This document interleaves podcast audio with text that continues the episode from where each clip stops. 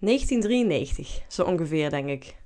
Ik zal zo rond de 7 of 8 jaar oud zijn geweest. En dan een aantal jaar op rij. Ik kan me nog goed herinneren dat ik altijd uitkeek naar het lekkere kerstdiner. Zoveel te kiezen, zoveel overvloed en smakelijk eten. Het damastachtige harde tafelzeil, de speciale kerstservetten, het zondagse servies, het vele eten in schalen die de rest van het jaar in de kast bleven staan, de houten stoelen met rieten bekleding, het wijnglas met cola, rode wijn, of Fanta, witte wijn erin, oma aan het hoofd van de tafel, want die kwam iedere kerst op bezoek. Aardappelkroketjes waren mijn favoriet en er waren meerdere soorten vlees en vis en groenten. Op eerste kerstdag rond 12 uur kwam het allemaal op tafel en ik heb de handige gewoonte bijna alles te lusten, behalve spruitjes en broccoli. We begonnen altijd met groentesoep met deegbolletjes, die je snel moest opeten, anders werden ze zompig. Dan het hoofdgerecht, van alles een beetje proeven en dan heb je al gauw een bord vol. Daarna natuurlijk nog een ronde met de meest lekkere dingen nog een keertje. En dan afsluiten met ijs met warme kersen van de kersenboom uit de achtertuin, die afgelopen zomer waren ingewekt. Propvol.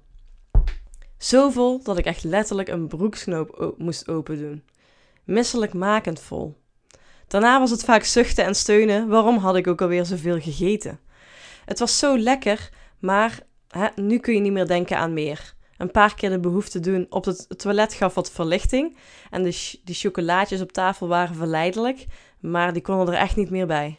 Oké, misschien eentje dan. En een tweede. Dat is ook zo'n beetje hoe het gaat met muzikanten en social media.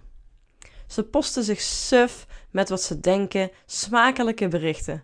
Ze schotelen berichten voor aan hun fans over henzelf en hun muziek. Geen amuse, geen voorgerecht, nee, geen getease, gelijk door naar het hoofdgerecht en zonder toetje.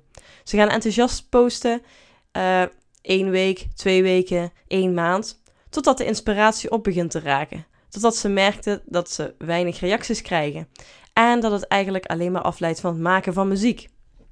Ze voelen wel nog steeds die drang en stress om berichten te plaatsen. Uh, die zichtbaarheid moet toch ergens vandaan komen. En misschien omdat het toch zo lekker voelt. Het is net zoals iedere hap te veel nemen. Dus ze persen er nog een week, twee weken of een maand uit. Zoveel mogelijk. Een visje hier, een aardappelkroketje daar, een bloemkooltje hier. Maar het wordt te veel, net zoals bij het eten. Als je nog eventjes dat ene gerecht ook wilt proeven. Echt te veel. Die broeksriem moet ineens veel losser.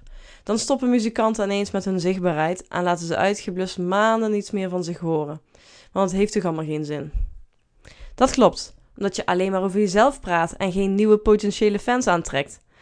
Geen voorgerecht, geen toetje, alleen de meat and potatoes. Dan zit je op een gegeven moment met allemaal volgevreten muziekliefhebbers te kijken, die echt dat allerlaatste smakelijke chocolaatje niet meer van je hoeven. Je kunt ze nergens meer mee verleiden. Uh, en je kunt ze niet meer verleiden om actie te ondernemen. Wat je nodig hebt zijn kleine hapjes die naar meer smaken. afwisselend van smaak, afwisselend van inhoud, afwisselend van vorm. Waarvan ze niet het idee hebben dat je ze door de strot duwt. Nee, ze worden er iedere keer weer blij van. Ze zitten er zelfs op te wachten. En ze zullen het missen als je het, e-, als je het eens een paar weken niet doet. Dat is onder andere waar ik muzikanten mee help. Zorgen voor zichtbaarheid op een manier die huidige volgers blij maakt en zorgen dat er nieuwe potentiële fans bij komen. Op dit moment bied ik alleen één op één coaching aan via videobellen. Uh, de volle focus op jou en jouw situatie. Ik leer je over de zes verschillende soorten berichten die je kunt plaatsen op social media. Hoe je een contentkalender maakt volgens een strategie. En ik kan je leren hoe je verschillende social media advertenties aanzet.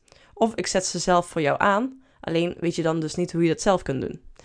Daarnaast coach ik muzikanten vaak ook over branding, ondernemerschap, marketing, release-strategieën en inkomstenbronnen. Vaak helpt het hebben van een afspraak alleen al, omdat je dan wordt getriggerd aan de muziekcarrière te werken. Ik heb op dit moment nog een paar plekjes vrij in mijn agenda. Dus heb je interesse en wil je weten hoe en wat? Uh, stuur dan een mailtje naar mij. miriam.onlightning.nl miriam.onlightning.nl en stuur gewoon een ja. Of laat me meteen even weten wat voor muziek je maakt en waar je tegenaan loopt. En dat je interesse hebt om te, te weten hoe ik kan samenwerken met jou. Um, Hè? En geen gitaarstrings attached. Dus je kunt gewoon informatie opvragen en ga je echt niet uh, achter de volle zitten als je uiteindelijk toch besluit het niet te willen. Um, nou, dit was mijn uh, bericht van deze keer. Mijn mailvrienden hebben dit bericht een week geleden al ontvangen in een e-mailbox. Dus wil jij dit als eerste uh, lezen en wil je niets missen, schrijf je dan in voor Mirjam's muziekmarketing mails. Uh, je vindt de link in de beschrijving van de podcast. Meld je daar aan en je mist niets. En je uh, krijgt de berichten ook een tijdje eerder dan alle anderen. Oké, doei doei!